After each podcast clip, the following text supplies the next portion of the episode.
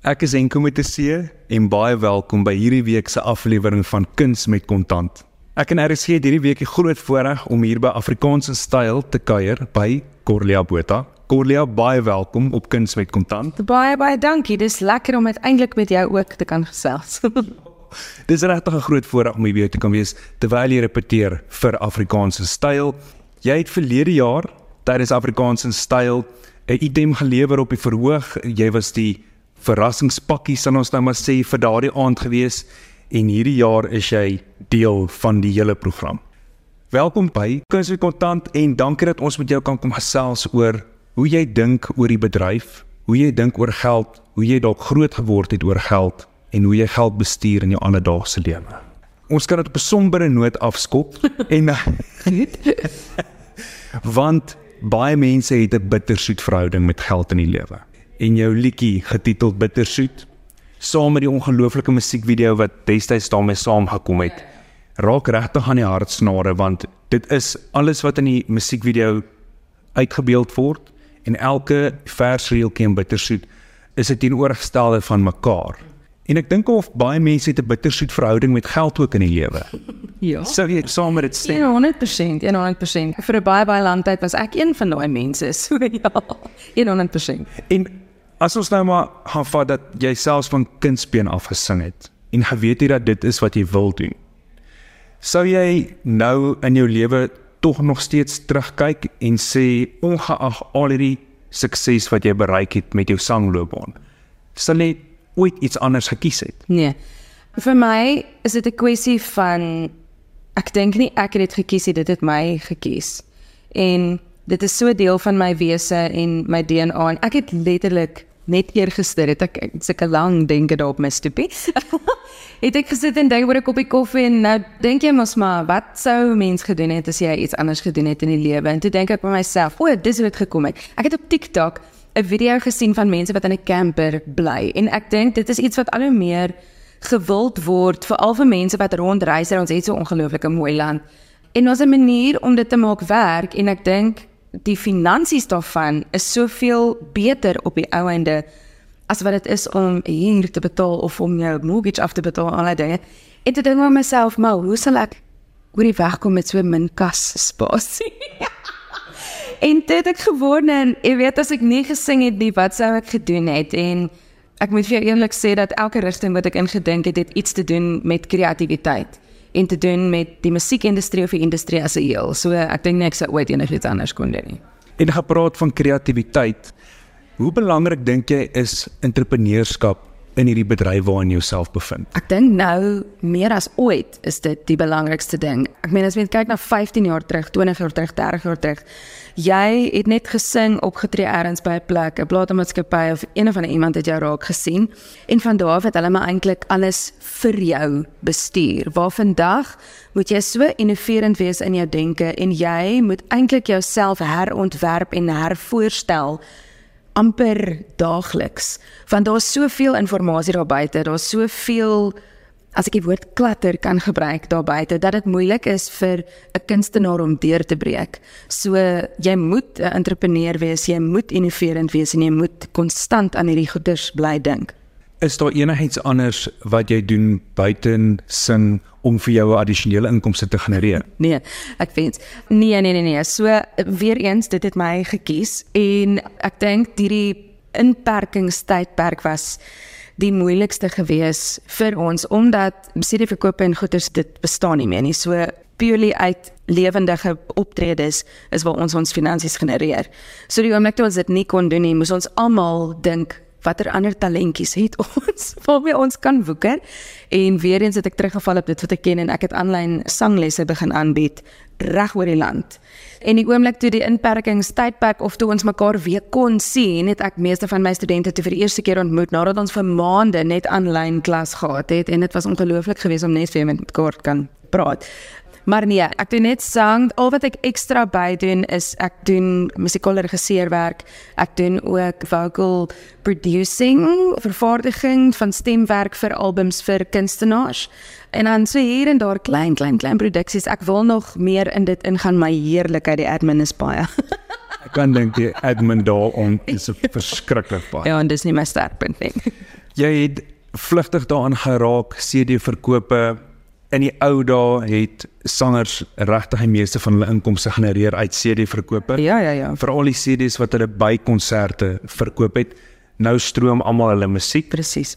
Hoe het dit jou inkomste geraak deurdat CD's weggeval het en jou musiek nou gestroom word, maar dat jy nog steeds neem ek aan jou meeste inkomste verdien uit die konserte. So ek dink dit is eintlik 'n model wat handomkeer verander het. In die vroeë dae, daar was baie kunstenaars wat gesê het hulle sal teen 'n minimale fooi kom optree, maar dan het hulle 'n katalogus van miskien 15 of 20 verskillende albums wat hulle saambring en dan is die CD verkope so baie dat dit eintlik twee vertonings se fooie opmaak. Waar nou Ek meen uh, daar's baie baie kunstenaars wat ek weet nie wat die Afrikaanse woord is nie, merchandise. Ja. handelsmerk nee, dis nie handelsmerk nie. Jy... Uh, produkte, sal mens maar sê. Persoonlike produkte, maar dit klink soos iets anders. Sê dit my.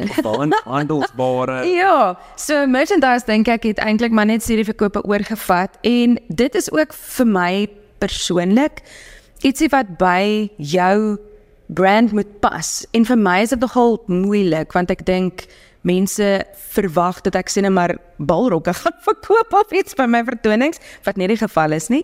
Sien verkope obviously daar is nog kunstenaars wat 'n paar albums oor het en jy kan dit by die kleiner dorpies nog gaan verkoop. Stroom is nog nie die hele land vol so groot soos wat dit internasionaal is nie. Maar ja, dit maak dit baie moeilik wat beteken dat ons baie langer van die huis af weg is op 'n slag baie verder moet reis en weer eens innoverend moet wees want as iemand een keer 'n vertoning kom kyk het wat gaan jy doen dat hulle dit vir 'n volgende keer weer gaan kom kyk? So weer jy moet herbore eintlik net elke liewe keer van voor af. Dis moeilik. Ek het weggeval met die liedjie bittersoet. Hoe sou jy sê is jou verhouding met geld? Hoekom ek dit vra is baie mense het 'n vrees vir geld. En dit kom al van klein tyd af. En 'n mens kan dit amper nie indink nie maar daar is regtig mense wat geld absoluut vrees. Hoe was jou pad van kindsbeen af? Wat het jy in jou gesinslewe gesien hoe daar met geld omgegaan is en hoe gaan jy vandag om met geld? Ek moet vir jou sê dat van kleins af was dit 'n val en opstaan tipe effek. My pa het eintlik ook 'n baie wispelturige rigting gekies. Hy is in die boulyn. So hy bou nou al uit is hy nou 70 geword hierdie jaar. Hy bou dan vir mm, 57 jaar al hierdie jaar. En dit was ook sporadies. Partykeer het mense ongelooflike groot projekte en ander kere is daar net niks nie. Die boulyn maak ook toe vir meeste van Desember en nog meeste van Januarie. So hy het van toe af al gesê spaar vir die dag van môre, spaar vir die dag van môre. Ek het altyd gedink daar's baie haie in die see, maar meeste van hulle is in die musiekindustrie. Ek gaan my nie glo nie. En die ander helfte dink ek is definitief in die boubedryf. So daar was kere waar mense kort betaal of nie beloftes nakom nie of nie ooreenkomste nakom nie. En ek moet vir jou sê, ons het al swaar gekry in my lewe. En dit is altyd wat hulle sê dit maak nie saak hoe hard jy val nie maar dit is hoe jy weer daarna opstaan. En my pa is 'n sprekende voorbeeld daarvan en my ma wat wie weet by hom gestaan het deur alles van dit. En ek het dit gesien van kleins af. So vir my was dit nog nooit 'n probleem om te val nie want ek weet jy kan weer opstaan jy het dit in jou en ek het hierdie voorbeelde gekry van kleins af en dit is hoekom die eerste keer wat ek geval het was uh, nie te vroeg in my loopbaan nie, maar so 'n hele paar jaar gelede waar daar 'n media sirkus was om die hele storie en ek het eerlikwaar nie geweet hoe ek weer gaan voorkom nie. En ek is dankbaar vir 'n lied so Sonvanger en ek is dankbaar vir 'n lied so Swart Koffie.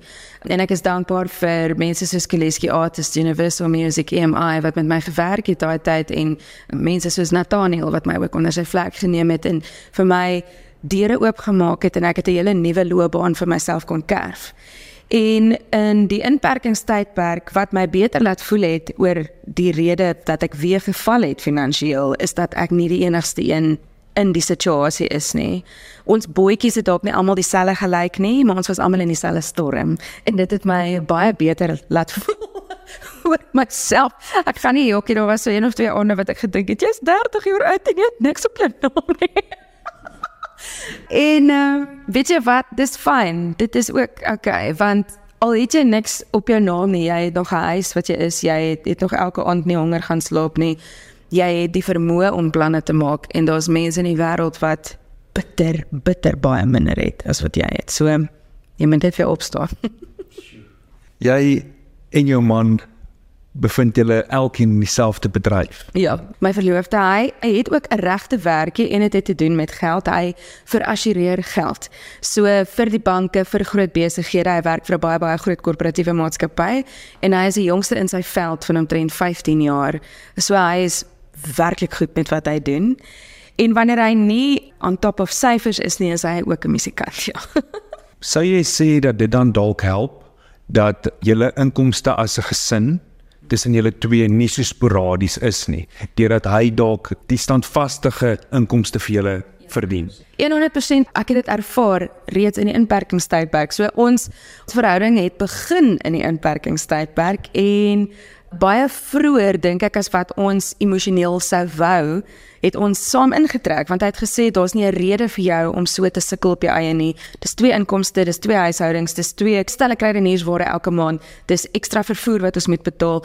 Kom net hiernatoe, kom ons maak dit werk en hy het vir ons die globale budget uitgewerk. En van daar af ek moet vir jou sê, dit gaan nog nie heeltemal goed in my kop met finansies nie, maar hy maak dit vir my soveel beter en soveel makliker. Hy verduidelik dit vir my op 'n ongelooflike manier en ek is bitter dankbaar vir hom. En ek is seker dit bring ook gemoedsrus verskriklik baie gemoedsrus. Daar was 'n tydperk ek gaan nie hokkie wat ek gedink het, okay, so ek het ekstra van hierdie en ek het ekstra van daai en ek het 'n klavier en miskien as ek van hierdie goedjies weet al kan verkoop, kan daar ekstra inkomste inkom en hy het gesien my klavier byvoorbeeld is 'n ding wat ek glad nie wou verkoop nie. En ons het weer gaan sit en ons het gekyk waar ons nog kan sny en waar ons nog beter af kan wees en tot nou toe is dit nog steeds ons modus operandi. ons, ons probeer kyk waar ons tot op die been kan sny sodat ons finansies het om weg te sit of op 'n ander manier te spandeer. Ons weet hoe lyk beerdkrag op hierdie stadium. So sonkrag, sonpanele en daai tipe goeders wat ongelooflik duur is. Ons is heidaglik besig om dit in te sit en ons het ook hierdie jaar 'n huis gekoop. So ek dink my finansiële omkeer in die laaste 2 jaar is regtig te danke aan hom met die manier wat hy my help om finansies te bestuur. Dit is werklik ongelooflik. Sjoe. Ja. dit is moontlik, guys. ja, dit kan dit kan definitief gebeur. Ja. Ek wil by hoor toe jy nou huis gekoop het dit is tog lekker om saam huis op te sit en huis huis te speel. Maar hoe het julle besluit dat julle daai huis gaan koop? Het julle 'n lening aangaan by die bank soos die meeste van ons maar? Gaan neem 'n verband uit by die bank en jy betaal hom elke maand terug. Rentekoerse maak ons dood hierdie jaar, maar ons glo dit sal afkom. 100%. So ons het net weer eens finansiële besluite. Ek huur nog my hele lewe lank en ek moes 'n 'n paar jaar gelede op 'n stadium met besluit maak gaan ek 'n huis koop of gaan ek 'n nuwe album maak. En in my kop het dit vir my sin gemaak om 'n nuwe album te maak want dit beteken dat ek meer gaan toer, meer kan vertonings doen, meer inkomste kan genereer om 'n huis te koop. En daardie album het toe presies op die tyd geval waar hierdie winkels toegemaak het. So die return on investment soos 'n Engelsman sê, was toe net glad nie wat dit moes wees nie. So hierdie is die eerste keer wat ons nou dit kan doen en ja, lening by die bank aangegaan en dit is maar ek dink dit is maar ou meeste mense dit doen Jan Alleman soos ek. Glo dit of nie, ons gaan maar lenings aan ja. Toe jy deur 'n tawwe tyd 'n paar jaar gelede gegaan het, toe jy nou genoem het daai liedjie so sonvanger oor jou pad gekom, wel in swart het net nou die dag hier by ons gekuier tydens kuns met kontant. Hoekom spesifiek sonvanger wat ons almal weet swart koffie ken ons baie goed en ons onthou toe jy sonvanger gesing het. Maar hoekom daai liedjie spesifiek en hoe het jou pad met sonvanger se pad gekruis? Want as ons dink aan sonvanger, assosieer ons dit dadelik met jou. Ek moet vir jou sê van dit ek klein is toe ek aanvanklik begin het sing het, het my sangjuffrou my liedjies vir my gekies en my ouers het liedjies voorgestel en toe ek eers die eerste smaak kry van jou eie repertoire kies, dis ek onkeerbaar. En toe die album kom, ek wou baie graag nadat ek uit die groep uit is, uit die duetpaar, wou ek baie graag my eie identiteit baie sterk, jy weet, vasstel en uitgaan daarmee. So ek het gevoel dat 'n oorspronklike album diep weg is om te loop. Maar daar was een Turkse liedjie wat ek opgehaat het en twee Afrikaanse leen liedjies of covers soos die Engelsman sê. Die een was soos ou vriende van Annelie van Rooyen wat net vir my op daai stadium so ongelooflik spesiaal was. En dan ek wou nog 'n lied opgesit het, maar ek moet vir jou sê ek kon nie besluit dis die eerste keer wat ek actually hierdie sê. Ek kon nie besluit wat ek wou doen nie. Ek het 4 seisoene kind die hele tyd in my kop gehad. En toe ek weer gaan luister en ek het 'n ou Lorika album opgetel en ek het Sonvanger gehoor en ek het op daai stadium nie eens geweet Valiant het dit geskryf nie. Ek het geweet Lorika het dit gesing want ek het dit by skouspel gehoor en ek het geweet Teens het dit gesing. Maar toe ons begin, jy weet, rondspeel met die melodie en die goeters, het Sonvanger vir my uitgestaan en toe ons die produksie daarmee begin, is waar die eintlike boek vir my oopgegaan het en dit dit was ja, dit is ongelooflik. En ek is baie baie dankbaar dat ek glo dat ek guidance gekry het van bo af om dit te kies en dit is hoekom ek is waar ek is vandag. Cornelia, ek onthou baie goed die aand toe ek vir die eerste keer by Afrikaans as groot gesit het toe jy swart koffie vir die eerste keer gesing het. ja. Dis nou al baie jare terug. Dis 10 jaar terug. En daai een hoë noot wat jy vang en uitpas syn het daai hele Moreletta gemeente kerk waar in Afrikaans is groot toe was. Weer galm. Te weer galm maar die gehoor tot oh, volstand geruk. dis oulik van jou baie dankie. As jy daai liedjie sing en jy weet daai noot is op pad ek vra as 'n leek omdat ek nie weet nie wat gaan deur jou kop? Is jy al 'n paar vers reels vooruit in jou kop want jy weet daai treffende noot is op pad en is so iets spesiaals wat jy dan moet doen om daai noot so uit te basyn want dit maak vir my die liedjie. Ek gaan baie eerlik wees, baie van dit het te doen met tegniek en dis 'n tegniek wat ek al doen vir baie baie jare en dit is ook wat ek vir my leerlinge leer dat die tegniek moet so natuurlik kom dat mens nie meer daaraan dink nie, nê? Nee? Maar dit gebeur nog steeds deur die sang. So wanneer jy weet dat jy is net maar lang afstande, né? Nee? Jy spring weg en dan hou jy jou pas, jy hou jou energie tot heel aan die einde waar jy weet jy daarvoor moet gaan. En is presies wat gebeur in die liedjie. Daar's op en af en daar's donker en lig en klomp goedjies wat mens doen.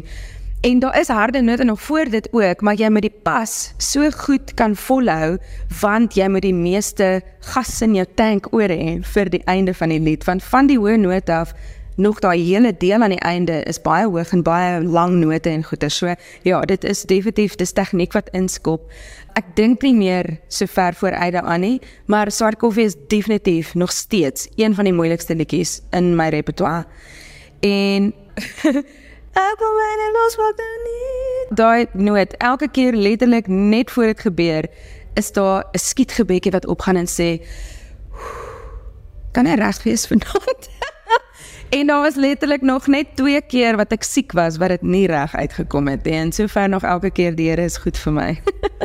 reg, dat so dit het al gebeur. Een of twee keer wat jou net nie tref nie. Ja ja ja, ek meen wanneer mens siek is, jy kan nie eintlik beheer oor jou stem nie, maar ons as sangers het ongelukkig nie die geleentheid om goeders net af te stel of uit te stel of te kanselleer nie. So the show must go on, soos Queen sê. En dan probeer jy my jou heel bes en dan die tegniek wat ek van praat van die begin van die liedjie wat jy jou pas hou, moet jy van die begin van die vertoning af jou pas hou en die hele tyd weet ek kan nie te lank aanhou of te veel volume gee hier of te veel emosie. Dis lang afstande wat jy hardloop tot aan die einde van die vertoning totdat ek swart koffie moet doen en dan deur dit is. En Dini so pas by ons ingeskakel het. Ons het die voorreg om vandag tydens Afrikaanse styl se repetisie te kuier by Corlia. Corlia is by ons op kuns met kontant. Ek wil by jou hoor, daar is nou sekere kleurskakerings in 'n liedjie, lig, donkerder. Waar in jou lewe sou jy sê of kan jy aan dink, het jy al finansiële foute gemaak? Is daar iets wat jy kan dink wat jy berou, wat jy sê as ek maar net geweet het, dan het ek nooit dit gekoop of daarin belê of 100%. So ek het vir my vir die eerste keer in my lewe 'n kar uit die boks uit gekoop. Ek het vir my 'n Audi Q3 gekoop 'n hele paar jaar gelede. En ons het spesifiek vir hulle gesê dat ons nie die ballonboement betaling wil doen nie en op een of ander manier het daar 'n misverstand ingekom en dit het so opgeëindig. En weer eens inperking toe ehm um, besef ek maar my paaiement is ongelooflik duur en ek gaan dit nie kan volhou nie. So ons het dit toe laat herfinansier en uiteindelik kyk 'n vriendin van my na my papierwerk en sy gaan maar hoekom is hierdie op? Ek sê nee man, dit kan nie wees nie. Ons het gesê hulle moet dit nie doen nie en toe toe dit eintlik toe nou eers aan die lig gekom dat dit so gebeur het. So daai was 'n baie baie groot fout wat ek gemaak het en ek was net te onnosel op daai stadium om dit raak te sien. Selfs nadat ons met die mense gepraat het en gesê het hoe ons dit wou doen, ek dink ek moes genoeg kennis gehad het en selfondersoek ingestel het, jy weet, op die blaadjie voordat ek net geteken het. So daai was definitief 'n finansiële wat ek gemaak het en jare later het ek eers dit agtergekom. Jy is een van Suid-Afrika se supersterre.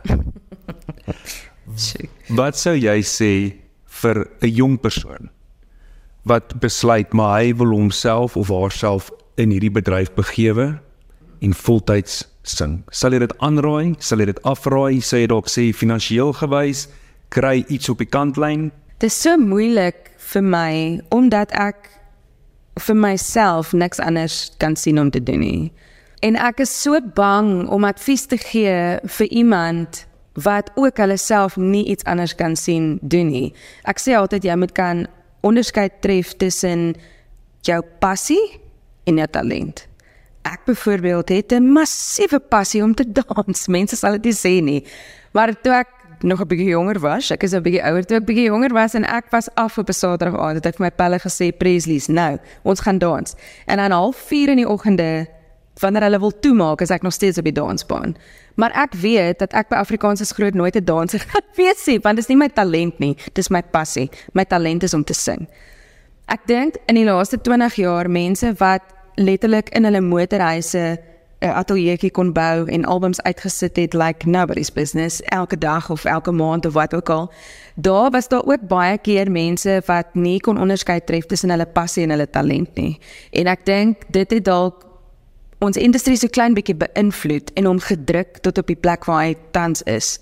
En kom ek sê vir ons niks fout met kuier musiek en 'n lekker tyd nie want ons almal kuier om 'n braaivleisvuurtjie oor 'n naweek. Maar ek kan myself nie die tipe musiek sien sing wat heidaglik op die top 20 is nie.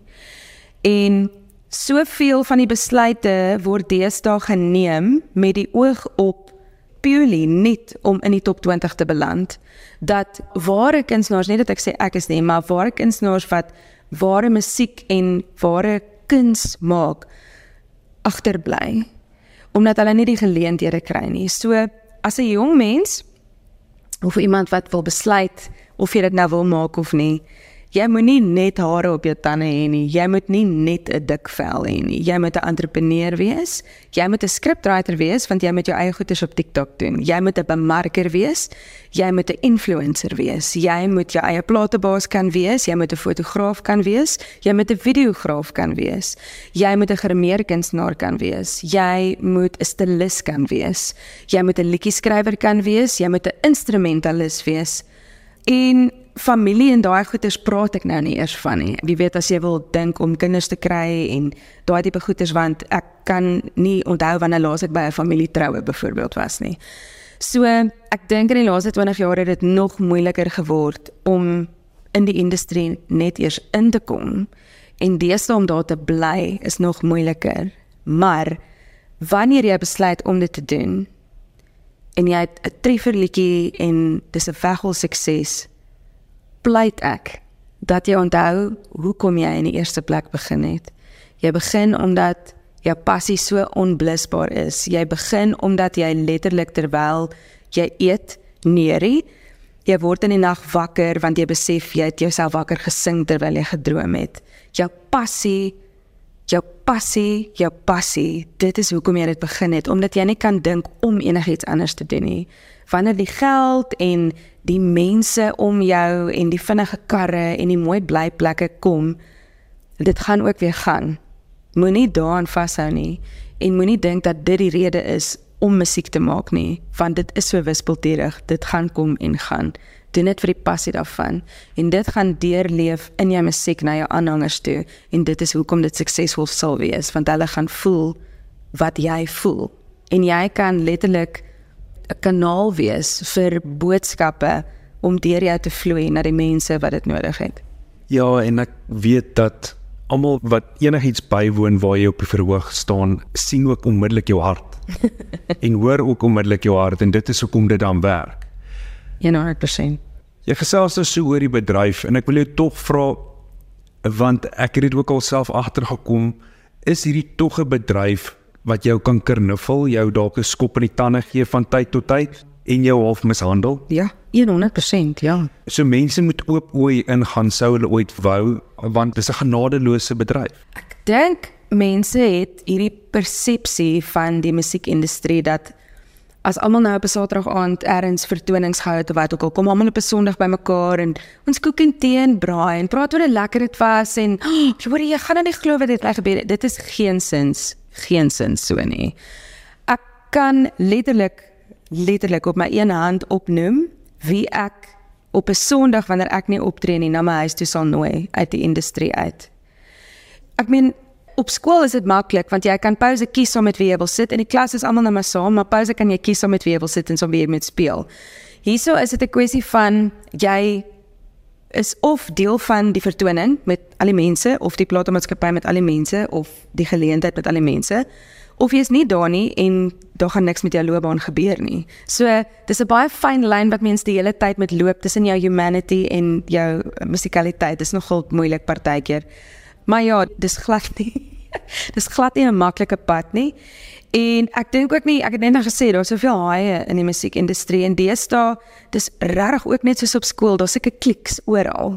Jy weet, en ek dink die gewone publiek daar buite wat nie deel is van die industrie nie, sien nie altyd hierdie dinge raak nie. Daar's kunstenaars wat persepsies gee wat hulle nie is nie.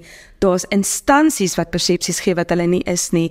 En ons probeer almal eintlik maar net ons eie potjie bymekaar kry.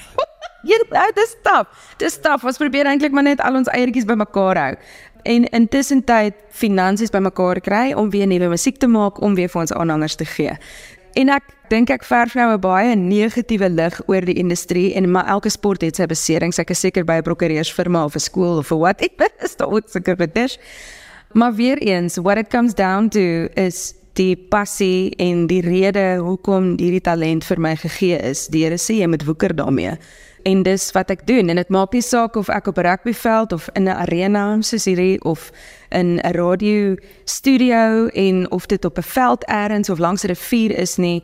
Ek moet sing vir 'n rede en daar's iemand vir wie ek 'n boodskap moet gee.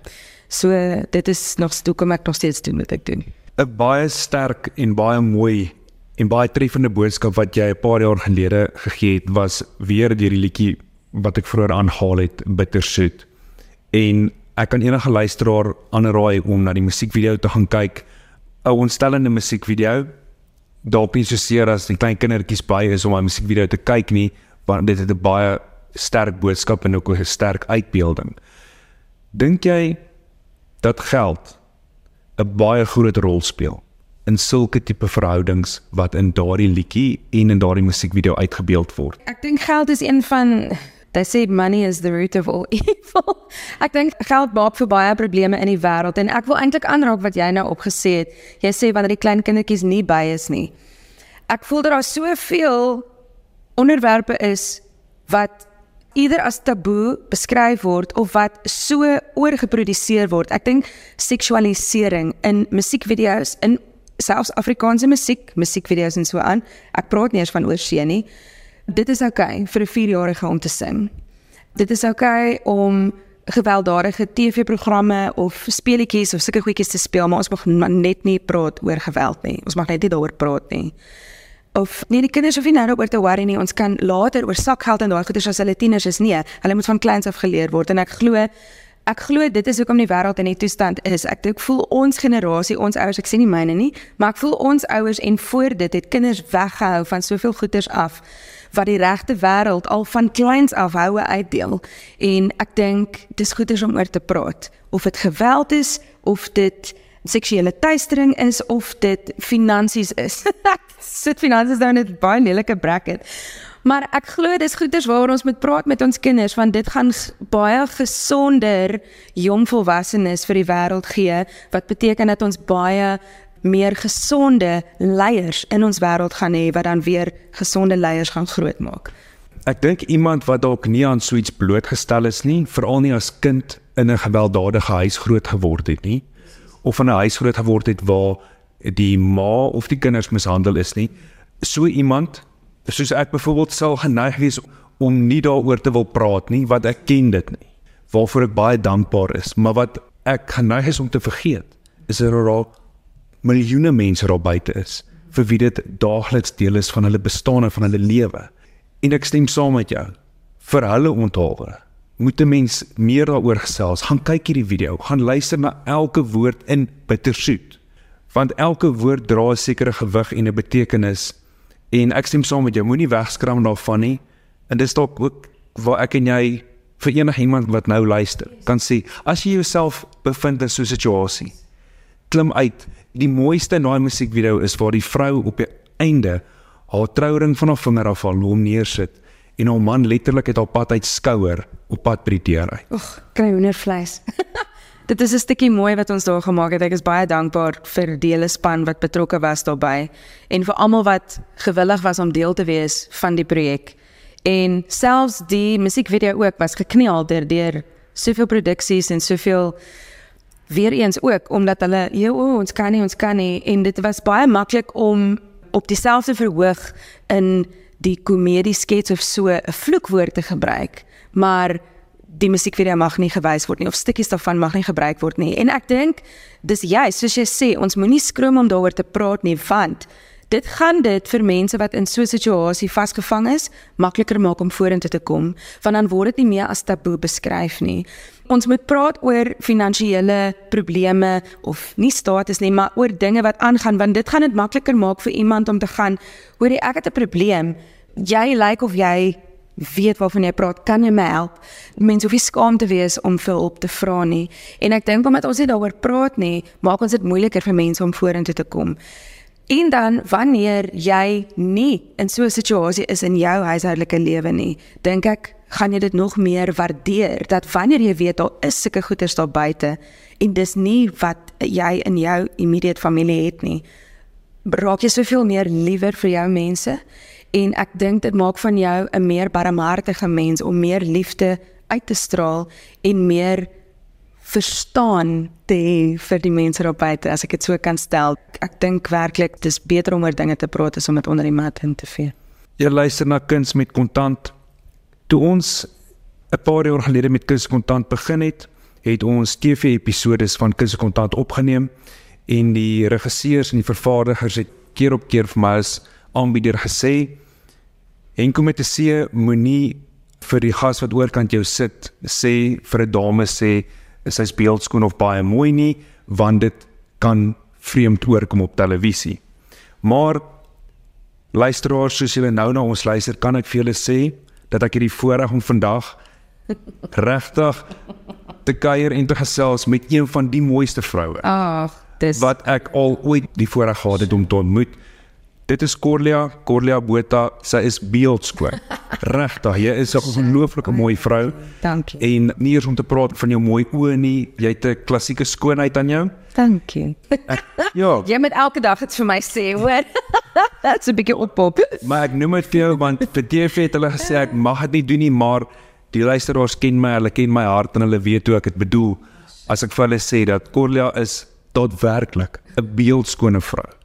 En ek sê vir jou baie dankie dat jy vandag saam met ons gekuier het op Kuns met Kontant. Ek sê dankie vir jou en vir RSG. Ek dink dit is 'n baie belangrike program om die barriers af te breek tussen wat mense dink hulle van iemand weet en wat hulle nie van iemand weet nie. Dit is vir my so lekker om oor meer persoonlike goeders te praat as net oor, oh, maar weet jy jou hare en jou gremering? Ek dink dit is so plastiek en so superficial daar buite. Die wêreld het 'n lelike plek geword. So enige geleentheid waar jy net kan sê, "Hey, ek kan vereenselwig met enige iets wat jy deurgaan."